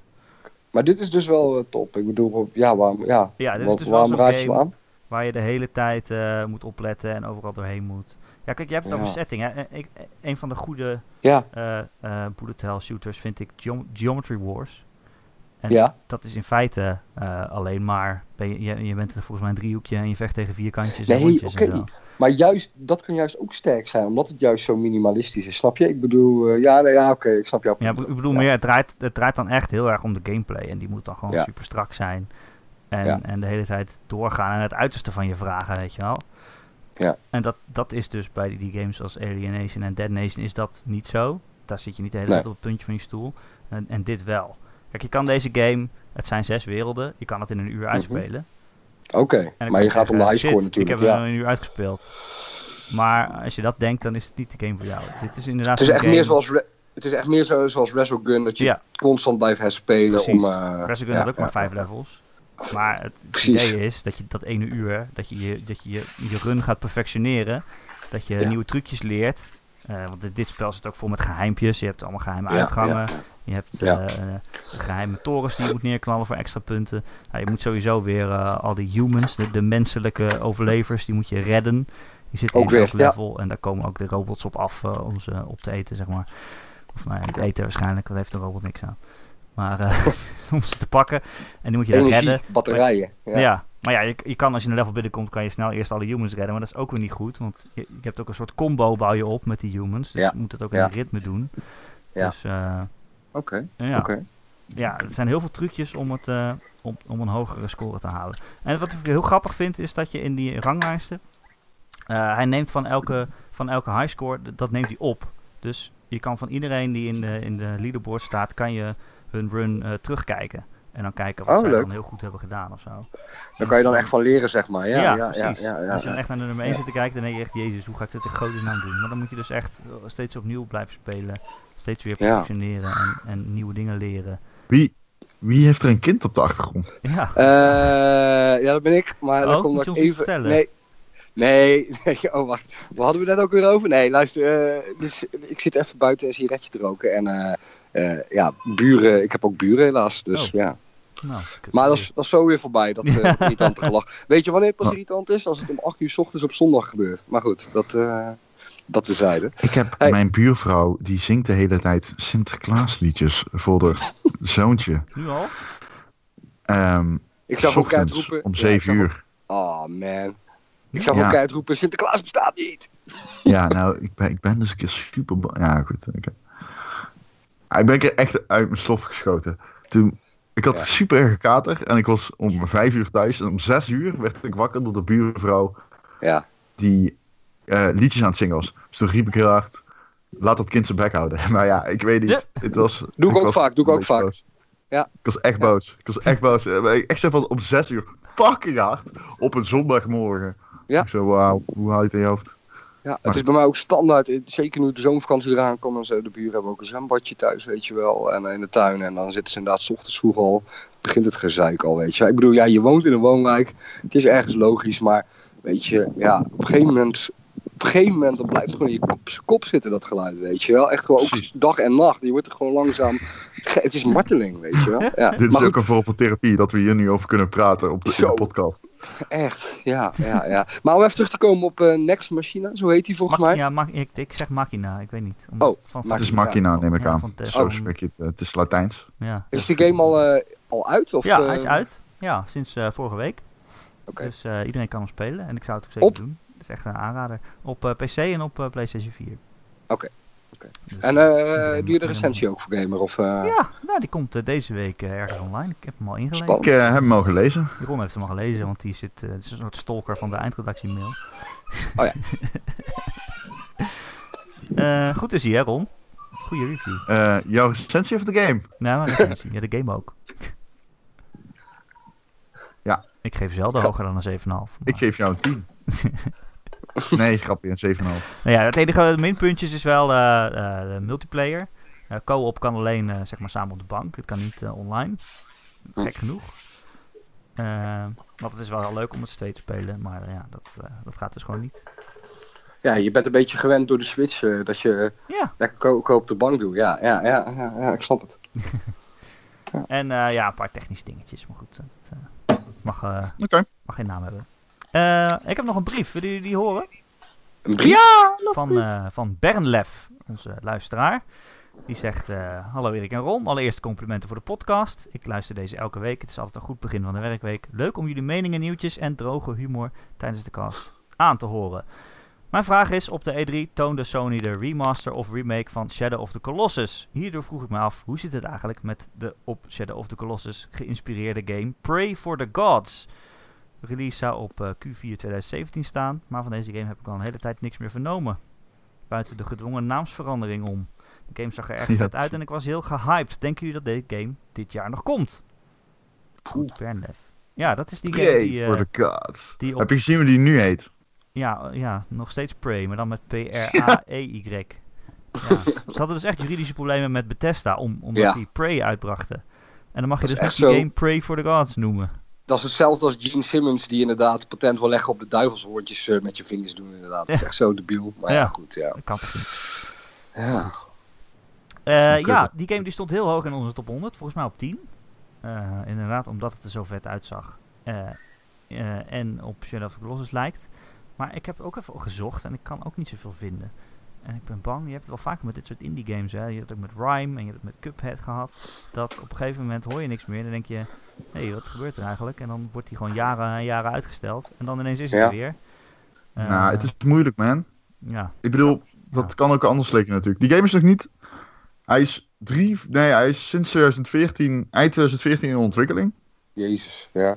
Je hebt een klein team, er werken drie mensen aan. En ehm, ja, volgens mij gaan ze er gewoon vanuit dat het gewoon eind december uitkomt. Dus, eh, of eh, eind het jaar in december uitkomt. ja. Maar het verschijnt volgens mij, het was een Kickstarter. Van een half mil, als ik het goed heb. Een half miljoen bedoel ik. Mhm. En, of minder nog, maar niet veel minder. Eh, relatief in ieder geval. Mhm. En ehm, ja, ze, ze- ze gaan die game gewoon aan het einde van het jaar shippen naar backers. denk je? Dat is dat. Een dat een vroege versie. Ja, Ja, dat ja. hebben ze gezegd. Maar ja, ze zeggen als van Shenmue 3 ook dat die uit dit jaar uitkomt. Maar dat geloof ik ook niet. Ja, dat is wel. Daar hebben we nog niks concreets van gezien. en bij. Shenmue zeggen ze de hele tijd van, nou, we laten het zien als het klaar is. Ja, maar hij staat nog Als steeds op december snoep vinden. 2017. Dus, eh, Nou, het gaat Ja, er waarschijnlijk niet halen. nee, ik bedoel maar. Dus- maar deze wel, denk ik. Dus Ja, denk je? Nou, ja, ik moet het nog maar zien. ja, ik denk het wel. Ja, Positief. waarom niet? Ik bedoel, Maar weet je, we hebben geen haast. ze één nog steeds op de release. En het is een klein integer studiootje volgens mij. Dus ja, Ja. ik zie er niet echt nut in om dat eh, te, net te gaan doen alsof je dat gaat halen als je het niet gaat halen. Dus, Nee, oké. maar ze zijn niet afhankelijk van een groot marketingteam of zo. Ze kunnen gewoon, wanneer het klaar is, Nee, maar Klaar. misschien zijn het, zijn het wel van die, eh, van die het glas is half vol mensen, weet je wel. Dat ze dat denken dat ze het gaan halen, maar uiteindelijk wordt het toch weer een jaar uitgesteld. Maar ja, goed, ja, we gaan het zien. Ja, dat valt, er valt voor ons weinig eh, over, eh, ja, dat kunnen we We niet beoordelen. Nee, Maar vooralsnog niet staat hij gewoon december 2017. ja. Eh, Ron, vertel nog eens wat Ja. over de E3. Je hebt eh, een tijdje kunnen terugblikken in je hoofd. Met je ogen dicht. Ja. Ik heb dus gemediteerd terwijl ik nadacht over de E3. Nee, maar het is wel zo op de beurs. Gemediteerd. Ja, ja, ja. Gemediteerd. Oh, Vertel. Ja, dus dat. Ehm, ik, ik wil, ik- zullen, we, zullen we het even over de beurs zelf hebben? Ja, Misschien. Sure. Want ik was er dus voor de eerste keer en wat ik van Rami las op Twitter, daar was ik het helemaal mee eens. De beveiliging was zo kut. Ja. Ik Omdat- zweer het, het was zo kut. Omdat je gewoon door kon lopen, zonder badge. Oké, dat heb ik nog En nooit gehad. want bags werden niet gecheckt. Dat is bizar, want ik bedoel, ik ben drie, vier keer geweest. En eh, ik, ja, echt, eh, als, als ze me best niet zagen, dan eh, kwam ik er niet door hoor. Nee, ik zelf had er wel wat moeite mee. Maar bijvoorbeeld Rami, die had gewoon een jas aan en die is overal doorgelopen langs de beveiligers. Dat is echt niet alsof we hem herkennen. Nee. En eh, ik, eh, ik zelf, eh, mijn collega's van de PU en zo, die zeiden het ook. Van ja, ik heb mijn badge niet te laten zien. Ik heb het zelf een paar keer dan meegemaakt. Denk je dat misschien, dat, sorry ik even, nog even een vraag daarover. Denk je misschien dat de beveiliging ook een beetje overweldigd was, omdat het natuurlijk deze keer extra druk was, omdat het ook voor het publiek open was? Ja, nou, wat, daar, wil- daar wil ik eigenlijk heen. Maar het is, Ja. dus de beveiliging is kut. En het, ik, ik, het was eigenlijk, kijk, ik ben er nooit geweest met de dagen dat zeg maar een ticket nog heel moeilijk was om te krijgen als consumer. Mhm. Alleen, ik vind wel dat de beurs, het was wel, het was gewoon te druk, maar het was ook, zeg maar, het was gewoon niet, het voelde niet alsof het hoorde. Je zag gewoon dat die standhouders er ook maar geen rekening mee konden of hebben Nee. willen houden. Het voelt een beetje alsof het zo'n top-down beslissing is, weet je wel. Ja, dat was Dan- het ook. Het was gewoon de ESA die gewoon... Kijk, de ESA die wil meer geld verdienen. Dus, uh, voor duidelijkheid, de ESA is de organisatie eh, Ja, de Van, organisatie eh, achter de E3. van E3. Die Nou, wil gewoon geld verdienen. Zeker omdat, er, ja, zeker omdat er een aantal uitgevers zijn die niet meer op de beurs staan. Waardoor ze dus niet voor een paar miljoen die beursvloer aan hun kunnen ver- verhuren. Dus ze, Ja. dus, dus ze gooien het open voor normaal publiek om geld voor die tickets te verdienen. Dus eh, ja, maar die, hier die beslissing, aan. je ziet Ja. dus dat zeg maar de beveiliging en de, de standhouders ook, want er was geen duidelijke richting die je in kon lopen op zo'n stand. Het was zo druk, het was gewoon een fucking, je werd gewoon ergens heen geduwd en dan zag je wel waar je, waar je strandde, zeg maar. Ja, En ook de wachtrijen, ja, je gaat er al vanuit dat zo'n wachtrij een beetje logisch is ingestoken. Want het was niet zo, het was gewoon een weerwaar aan mensen overal. En op een gegeven moment, eh, ja, dan kon je niet meer aansluiten. Ik weet niet, dat, ik vind dat wel slecht. Dat is gewoon beter geregeld op de fucking Gamescom, waar het al super slecht geregeld is. Ja. Dus die consumer opening, know, ik hoop dat ze een persdag doen, man. Ik hoop dat gewoon dat ze één fucking persdag doen volgend jaar. Net zoals de Gamescom doet. Ja, dat ik denk- consumers ik op de hoop- ik hoop dat ze ervan hebben geleerd en dat ook doen inderdaad, ja. Ja. Of in ieder geval beter voorbereiden op dat er zo ineens zoveel mensen komen. En die, ook zoveel mensen die niet per se weten eh, wat ze op een E3 kunnen aantreffen. Dus ik begreep ook Ja. dat er heel veel mensen waren die gewoon een beetje om zich heen stonden te kijken en niet wisten waar ze heen moesten. Of, eh, Ja, er stonden gewoon mensen stil dood te gaan. ja. Ik weet niet. Er staat er Ja. gewoon een guide staan midden op, je, op het gangpad foto's te maken van een gang. Dat is gewoon, dan, dan is je laatste, je wel laatste uur heeft dan E3, hè. Ik geslagen. bedoel, eh. Ja, zo'n gang in de E3. Eh, is er nog een game waarvan je denkt, eh, als je er aan, nu aan terugdenkt van eh, met de tijd die verstreken is, denk je toch iets meer positief aan terug? Ja, Call of Duty toch wel. Ja? Ja, ik heb Call of Duty toch wel heel erg... ehm, ik zie daar toch wel heel erg een opleving in of zo. Die modus, die war modus, ik heb het al uitgebreid besproken, maar dat geeft het echt iets van dat... Zo'n Wolfenstein had ook zo'n modus. Zo'n eh tech and de- defense modus. Dat is gewoon vet, dat werkt gewoon goed. Dat is gewoon leuk en ja, eh, eh, je kan er op zoveel manieren tactisch zijn. Ik, daar heb ik echt wel heel veel zin in. En die team deathmatch voelde toch weer een beetje als van ouds Call of Duty. Maar die war modus, ik heb er echt zin in. Ik vind dat echt vet. Dat is gewoon... Let wel, tien jaar geleden werd voor het eerst de het creëerde class systeem, geïntroduceerd in Call of Duty. Voor het eerst geïntroduceerd. Geïntroduceerd, geïntroduceerd dus. Dat is tien jaar geleden? Dat is fucking lang geleden. Een decennium al. In iedere Call of Duty game zit een create a class functie. Dus dat je je eigen klas kan eh, maken. Ook dat hebben ze eruit gesloopt. Dus ik ben in die zin heel positief dat twee zulke grote dingen, dat create a class en dat er gewoon een hele nieuwe modus bij komt, dat stemt mij positief. Ik vind dat die Team Deathmatch modus deed me nog altijd denken aan Call of Duty. Een beetje Call of Duty Black Ops 2 qua spelsnelheid. Maar Mhm. Ah, nou, ik, ik ben echt hyped voor die shit. Omdat het juist weer terugkeert naar de roots. En daarbij niet vergeet om gewoon te zeggen: ja, maar hier hebben we ook scheid aan. Hier hebben we ook scheid aan. Dit laten we gewoon achter. En we gaan het gewoon anders doen. Het is nog wel Call of Duty, maar op heel veel fronten voelt het helemaal anders. Dus dat is cool. Ik heb er echt zin in. Ehm, dan is er ehm, nog een game eh, waarop ik veel heb na kunnen denken. Dat is Skull and Bones. Ik Ah, denk ja. dat ik het toch wel vet vind Piratengame. eigenlijk. Ja, ik heb er toch wel zin in. Ik heb er misschien nog wel meer zin in dan die andere.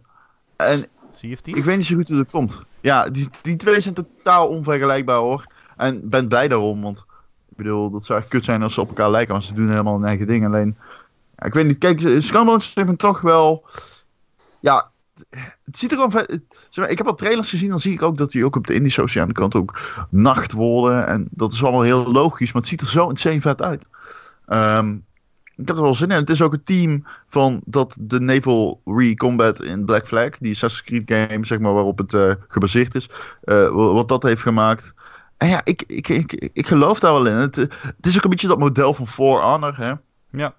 Met die seasons. En. For Honor, eh, ik heb er een stuk over geschreven, over dat het een, een boycott heeft overleefd. En dat, maar dat wel maar 10% van alle mensen is teruggekeerd. En hoe kun je een boycott, hoe kun je iets boycotten als je het al hebt gekocht? Maar goed, daar hebben we het al over gehad. Het, eh, maar dat is dus wel, eh, ja, op zich, ze doen het in ieder geval. Weet je wel, Ubisoft heeft in ieder geval dan zoiets van, oké, we doen het gewoon nog een keer alleen nu met deze game. Dat vind ik dan wel te prijzen. Maar het zal geen e-sports titel worden of zo. Kijk, het is gewoon fucking, ja. Het, ik hoop gewoon dat het lekker lang leuk blijft. Want af en toe zo'n potje zie ik wel zitten. Ja, Eh, ik, ik, ik heb ook nog wel een game van E3. eh, ik ben zelf dit jaar niet naar E3 geweest, maar die ik in ieder geval aangekondigd heb zien worden op E3. Maar waar ik juist weer van, van ben bekoeld inmiddels. Misschien ook wel leuk om even over te hebben. Vertel. Eh, dat is Beyond Good in ieder geval 2. Oh jee. Ik, eh, ik ben namelijk ja, gigantisch fan van de eerste, sowieso. Eh, en ik eh, was natuurlijk ook jarenlang aan het wachten op meer nieuws over de tweede. En ja, toen kwam dat toch heel verrassend op Ubisofts persconferentie aan bod. En dat was natuurlijk even dikke hype. Ook ik ging daarin mee, want ik vond het ook heel vet. Ehm, ook al was het maar een CGI-trailer. Eh, maar nu heeft inmiddels natuurlijk ook eh, eh, Ubisoft en Michel Ankel, de maker, die hebben de gameplay demo die op E3 achter gesloten deuren werd getoond, hebben die ook eh, online gezet, zodat iedereen het kan zien. En dat heeft mij wel een beetje bekoeld op de game. Ja. Ja. een beetje veel eigenlijk zelfs wel. Nou ja, er is gewoon nog geen game. Nee, nou, het, maar het punt is meer gewoon. ehm, nee, er is nog geen game. Maar oké, ik weet dat het sowieso nog jaren gaat duren voordat die uitkomt. Allah. Daar kan ik nog best mee leven als het een goede game wordt. Maar daar twijfel ik zelfs over. Want hoe ze het vertellen. Ze vallen, wat mij betreft. Het is nog vroeg om te zeggen. Maar zoals ze het in ieder geval al eh, over de game praten. Is er het gevaar dat ze in dezelfde valkuilen vallen als No Man's Sky. Nee, dat is wel een beetje Eh, vroeg om te zeggen eigenlijk. Het is vroeg om maar te je zeggen. weet maar het ze, nog niet, man. Nee, tuurlijk, je weet het nog niet, maar dat heeft gewoon mijn hype een beetje bekoeld. Dus het- ik zeg niet dat het ook echt gaat gebeuren. Alleen als je ze hoort praten over wat ze voor plan zijn, over veel planeten, met allerlei steden waar je de, eh, Ja. eh, die je kan bezoeken. Het ding is een beetje het feit dat ze daarover praten tijdens die eh, gameplay demo. Of tijdens die demo. In plaats van dat ze gewoon. Ze hebben geen één moment gezegd. Ja, maar dit ga je echt doen. Dit is de gameplay die je gaat doen. Nee, ze hebben het alleen maar over je kan superveel bezoeken. Het is een supergrote wereld. En dan denk ik al van ja, maar dan heb je precies het verkeerde uitgangspunt. Want dat, maakte, dat was niet hetgene wat de eerste Beyond Good in ieder geval zo goed maakte. Dat is Hetgene wat, de eerste, getestileerd. het, het, het- hetgene wat de eerste Beyond Good in ieder geval goed maakte, was gewoon een goed verhaal met goed, interessante personages. In inderdaad een interessante spelwereld. Het kan er nog steeds in komen. Kan. Ja. Maar ik, ik krijg niet het idee dat het de prioriteit heeft bij hun op dit moment. Maar ja, goed, ja. ja. Dat, eh, ik moet zeggen, ik was niet onder de indruk van, eh, van de demo. Nee, die het was een awkward sales pitch. Ja. Ja. Ik vind het Maar goed, dat was- want ze hebben alleen een engine op dit moment. En, Ja, Ja. sterker nog, het is natuurlijk al een jaar of zeven al geleden op E3 aangekondigd. Dus over, over te vroeg aangekondigd gesproken inderdaad. Maar, en nu maakt ze dezelfde fout. Ja. Je kunt er toch niet zo geen zinnig woord over eh rippen. Nee, ik dat ben is ook- ik ben ook bekoeld op een game trouwens. Oh, en dat is... Welke? Namelijk eh, Life is Strange. Die, eh, Oh. die prequel-serie die eraan komt van drie afleveringen. Je Mhm. weet, de eerste Life is Strange was mijn GOTY 2015. Eh, maar dit, eh, ik heb er dus een gameplay demo gezien ook, eh, die ze op de E3 gaven.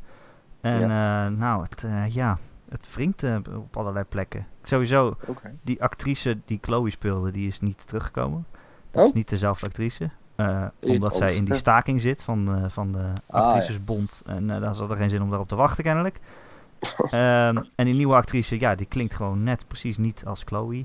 Kijk, ik ben niet iemand die echt heel erg wil vasthouden aan dezelfde stem of zo. Dat ik het nou zo belangrijk vind. Maar wel dat dat personage zo klinkt als ze hoort te klinken. Het gewoon badass figuur. En dat is in dit geval niet zo. Eh, Mm. En ook omdat het een prequel is, zitten er helemaal geen tijdreiskrachten in. Of, of andere buitenaardse dingen, paranormale En dingen. dat was een van de sterkere dingen van Ja. natuurlijk de, ja. Van die hele serie. Kan er was- toch wel in zitten? Nee, ze hebben al gezegd dat het er niet in zit. Nee. Dat, nou, dat het is gaat alleen om de, markant. om de personages en de, en, de, en de relaties daartussen. Terwijl wat die game zo sterk maakte was dat de, ja, de stakes werden steeds hoger. Omdat je steeds meer ja, eh, eh, andere tijdlijnen zag en van wat er dan allemaal mis kon gaan. En dat zit ja, het was een combinatie van inderdaad dat spannende en ook wel de relaties inderdaad. En nu valt een van die elementen weg dus. Ja, Ja. precies. Dus eh, ja, ik heb, ja, ben ik opgekoeld inderdaad. Maar ja, Hm. nou ja, we gaan het weer zien hè. Ja. Ehm, wat zijn we nog aan het spelen? Even kort nog. Michel, nog iets leuks? Nou ja, leuk. Ja, superleuk niet. Ehm, ik ben eh, de, de Gamer.nl recensie van eh, Oceanhorn aan het, eh, aan het doen. Die zal ergens deze dagen online verschijnen. Oh ja. Ik heb de recensie al geschreven. Dus ik heb Oceanhorn voor de Switch gespeeld. Die game kwam in 2013 al op mobiel uit. En de, de, de jaren daarna ook op Steam en Xbox One en eh, PS4. En ja, het is gewoon een overduidelijke Zelda-kloon, maar dan veel minder goed. Met eh, namelijk zijn eigen ideeën of wat dan ook. Er zitten wel een paar positieve elementen aan de game die je ook wel terugleest in mijn recensie. Maar over het algemeen is het niet echt een heel enerverende ervaring. Dus Hm. wat dat betreft kijk ik meer uit naar komende week. Want dan ga ik hopelijk eh, de Crash Bandicoot eh, Oh. remake of remaster spelen. Maar goed, Leuk. dat, dat is leuk. Ik wil het niet spelen, maar ik vind het leuk dat het bestaat. Ja, ja, precies. Ik wil het ook niet spelen. Oh, ik Ja, wel, echt wel. Ik speel serieus. Ik heb, ik heb, ik heb, eh, dat is echt heel irritant met verhuizen, wat ik sindsdien een paar keer heb gedaan. Ik heb zo'n hele oude Sony CRT-televisie, weet je wel. Die zijn echt loeizwaar. Ja. Dus die verhuis ik overal mee naartoe als ik weer verhuis. Ja. Eh, en daar sluit ik dan nou, minstens één keer per jaar nog wel eh, de PlayStation 1 op aan om Crash Bandicoot en een paar andere klassieke platformgames als Rayman te spelen. Ja. Ja, nee, ik vind Crash Bandicoot games eh, hele sterke platformers, ja. Dus eh, zeker dat ik hem nog wel een keer wil spelen. Ja. Eh, Ron, jij nog iets? Ehm, nee, eigenlijk niet. Nou ja, ik ben bezig met Little Nightmares. Ehm, oh, Oh ja. Dat vind ik wel leuk. Leuke game tot nu toe. Eh, Persona. Nee, niet Persona. Sorry, dat komt door jou. ja, doe Persona. Nee, nee, nee. Steins Gate Zero ben ik aan het spelen dus. oh ja. oh ja. Nou ja, spannend. Ehm, aan het lezen. even kijken. Ja, aan het lezen. I guess. Het is wel raar om dat op je console te doen. Ja, en verder, Op eh, Vita, dat is veel beter. Lekker in de trein een Ja. stukje lezen. Ja, maar ik heb een Switch. En verder, eh, ja. Niet, eh, niet veel anders dan Overwatch. Ja, en de likes dat- of. Ja, dat wou En ik heb gisteren. Rocket League weer gedaan. Dat was heel leuk. Oh god. Ik wou, ik wou even zeggen dat er een ma- magisch moment was deze week. Eh, dat ik samen met Ron Overwatch heb gespeeld. Het was legendarisch. Maar het is echt legendarisch leuk hè? Om met mij te spelen, Erik. Ja, het is superleuk om met jou te spelen, maar dat weet je toch. Ik hou toch van jou. Ik hou Nee, van jou. ik echt Erik. heel fout. Weet je wel. Het is leuk Ja, om met maar dat te was zo spelen. bedoeld. Hou Wij je. spelen met Ja, elkaar en houden van elkaar. Ja, heel, heel mooi. Heel mooi. Heel mooi. Ja, Ja, het is en eh, verder. Ja, we zijn een geweldig team. Nee, we zijn echt een goed team. De Ron, de, kom op, hé, de Ron en Erik combo. Dat is echt geweldig. Kom ook. Dat is echt geweldig, serieus. Eh, dus dat doen we heel goed. Verder, ehm, ik moet zeggen, Erik is nu al beter dan Joe. In wat? Dit Oh, is in. Overwatch. Ja, ja, ja. Overwatch. En Joe heeft al veel meer uren erin. Overwatch. Ah, Zo, dat- jongens. Ja, Joe. Ja. Ik kan op wakker op. Maar eh, ja, Joe, Joe is eh, ja, ingehaald door Erik. Ik vind het heel kut voor Joe, maar ik wil dit ook. Ik hoop dat hij niet luistert. Zodat niet, eh, dat hij dat niet hoort. Maar Erik, is, eh, Erik speelt heel tactisch. Dat is heel raar om te zien. Ik hoef Erik niet uit te leggen dat hij dingen moet doen. Jij doet, doet ze gewoon. Ik kan niet zo goed mikken en zo, maar ik ben wel tactisch. Nou ja, goed, dat is alles wat je nodig hebt hoor. Ja. Ik heb veel liever iemand. Als iemand. Het is zo kut als je tegen iemand moet zeggen: van, je moet dit doen. Als je zelf ook nog je dingen aan het doen bent. Ja, Dat wil je niet. Zeg maar, ik speel, ik probeer Diamond te halen. Dat is 3000 CP eh, in ranked. En dat is moeilijk. Dat, eh, zo, zo, ook op de consoles. Dan moet je wel eigenlijk iets van een goede teammates hebben. Dan moet je Ja. dus ook mensen Dus- hebben die het zelf na kunnen denken. Dus dat is Joe niet, even voor de duidelijkheid. Dat zeg ik niet. Ik heb het meer in het algemeen. Zou Joe het nog niet Eh, zo erg kunnen beledigen? Nee, precies. Eh, wisten jullie, volgende week is er weer een eh, nieuwe Gamer.nl podcast. Die kan je nou... Niet. Ja, dit is waar. Elke maandagochtend gewoon hoor. Gewoon elke week. Jij Heb je mee? wel eens een week gemist? Nee hè? Ehm, nee. Ehm, nee. Kan me Nou, ook niet We herinneren. geen week gemist. Misschien een keer met feestdagen of zo, of ook niet. Nee, dan nemen we de twee achter elkaar op. Zo hoort niet meer. Eh, Niet waar! Niet waar! Nee, is niet waar. Nee, nee, zelfs dat doen we bijna nooit. Want eh Nee. het moet toch actueel zijn, hè? Ja, en met E3 maak je zelfs vaak een extra podcast. Nou, Oh, hier. maar goed, Ehm, Twee! Extra podcast. Het is ongelooflijk. Oh, sorry luisteraar. Daar gaat je oor. wat was het? Stoot mijn knie. Oh, Oh, ach, Ja, het deed pijn aan mijn bureau. Ik heb echt heb je zo'n... pijn in je bureau? dat deed pijn. Auw. aan mijn bureau. En toen kwam er een nieuwe zin. Maar ja, nee. Glas van mijn bureau. Oh, man. ja ik heb last van mijn bureau, man. Ja, ik heb berouw. Auw. Aha. Oké. Ja, Maandag zo, wil je- nee, jij gaat Ja. klaar. Sorry. Ik mijn woordgrap. Wil je Doei. meer van dit, dan kun je maandagochtend deze podcast downloaden. Op gamer.nl kun je hem ook luisteren via YouTube, en via Soundcloud en via eh, Stitcher. En dan kun je ook op abonneren. Stitcher! Op Stitcher! Ik weet niet wat het helemaal inhoudt, maar fucking breed. Maar het gaat vanzelf nu kennelijk. Eh, Weet ik niet. Gijs heeft mij verzekerd dat ik niks bijzonders hoef te doen om hem op Stitcher te krijgen deze week. Dat gaat vanzelf. Goed toch? Is goed. Eh, en eh, je kan je abonneren op allerlei podcast-apps. Eh, als je bijvoorbeeld Apple hebt, kan dat op iTunes. En als je dat toch bent, vinden we het heel leuk als je een keer een recensie achterlaat. Een paar sterretjes eh, uitdeelt en misschien een tekstje schrijft. Dan zijn we weer beter vindbaar voor nieuwe luisteraars. En heeft Ron wat te lezen, dat is ook leuk. En wel positief, hè? Ja, goed zo. Ah ja, je moet gewoon je eerlijke mening geven, vind ik. Ja, prima, als positief. Vind ik ook. Is positief. Nee, nee. Oh, nee, eerlijke mening. Ik bedoel, heel- geef maar gewoon vijf sterren. Als het Alleen- positief is, mag je op iTunes achterlaten. Als het negatief is, mag je mij mailen. Eh Erik.gamer.nl Erik met een k.gamer.nl Eh Dat kan je ook mailen als je een vraag hebt of een opmerking voor de podcast. Zoals dat vandaag heel gezellig was. Nou, allemaal leuke dingen om over te praten. Je kunt ook een reactie achterlaten onder het artikel waar je deze podcast vindt op gamer.nl. Dat kan gewoon de hele week, want eh, ik hou het gewoon in de gaten. Eh, nou, eh, Michel, dankjewel dat je er was. Ja, jullie ook bedankt. Het was me weer een eer en een eh, genot. Het was een eer en een ron. Ja. Eh, Haha. Ron, jij ook, jij ook bedankt. Jij ook bedankt, Erik. Je bent zo goed hierin. Ik vind het echt een eer om met jou samen te werken. Ah. Gaan we dadelijk nog overwatchen, baby? Ehm, hmm, nou, ik moet nog een game review eigenlijk. Moet ik even voor Ik moet nog eten. hebben. Ja, ik weet welke game het is. Ja. Ik heb hem afgewezen. Ik zei, laat Echt? Erik hem maar doen. Wel Erik maar, jij. Wel Erik maar. Ja, maar jij hebt zo'n eh, gun en dat scheelt. Ja, voor de VR. je hebt het heel tijd over games. Ik ga een pizzetje gewoon, ik ga een pizzetje bellen. Pizzaatje bellen. Geen deuner kebab. Een van de eerste dingen die Michel tegen me zei op de trip naar Keulen was, voor de Gamescom was... Ah, ik ben gisteren op slaap gevallen, in slaap gevallen op een deuner kebab. Nee, een durm dunner. Oh, een durum deuner. Nee, nee, nee, nee, een pizzetje. Wat als Michel Oh. Overwatch zou spelen, Ron? Ja, dan zou hij dus in slaap vallen op durum deuners. Michel, jij zegt toch voordat je een meisje mee naar huis neemt, ga je eerst toch altijd even langs de durum deuner kebab halen? Ja, sowieso. Nee, du- durm dunner ga ik halen inderdaad. Ja, ik eet Oh, durm kebab. Dunner. Eh, Maar heb je dus in Roosendaal iemand versierd, zoals dat dan heet. En dan neem je die terug naar je huis. Maar dan zeg je, nee, wacht, ho, wacht. Ik ga eerst nog even een durum deuner halen. ja, prioriteiten. Ja, Maar dan zegt diegene toch van, Dat is hey, ik ga niet meer mee. dat heb ik nog nooit gehad, zal ik je dat zeggen? Eh, eh, trouwens, de helft van de tijd willen ze zelf ook. Dus, eh, en dan stink je lekker allebei naar knoflook, nog beter, toch? Lekker. Ja, precies. Oh, ja, het is heerlijk, joh. Nee, ja, nou, je, nou ja, dat was vroeger dus altijd eh, de gang van zaken. Maar dat is veranderd tegenwoordig. Weet je hoe dat zit? Eh, daardoor moeten we echt stoppen, hoor. Maar ehm, ehm, eh, tegenwoordig... eh, dan is de stad om vier uur dicht. Dan ga ik weer een nummetje halen met wie dan ook. eh, met, met wat mensen.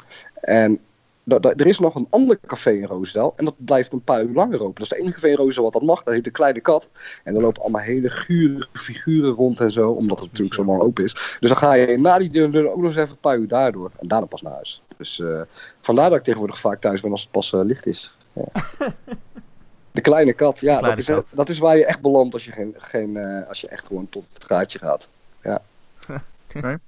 Oké, Dus- goed om te onthouden. Dan weet je dat allemaal. Ja, ja, oké. Nou, eh, ja. dankjewel voor deze wijsheid. En eh, tot volgende week.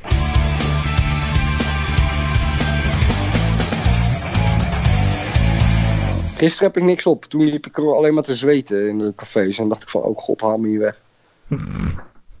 en daarom ga ik nu weer eh, helemaal ah. clean, clean mezelf, mijn lichaam. ja, ik ga weer helemaal luchteren de komende oh week. Dat heb ik af en toe nodig. Oh. De komende week, gewoon door de week? Of... Ja, ja, door de week, ja. Wauw, wat knap.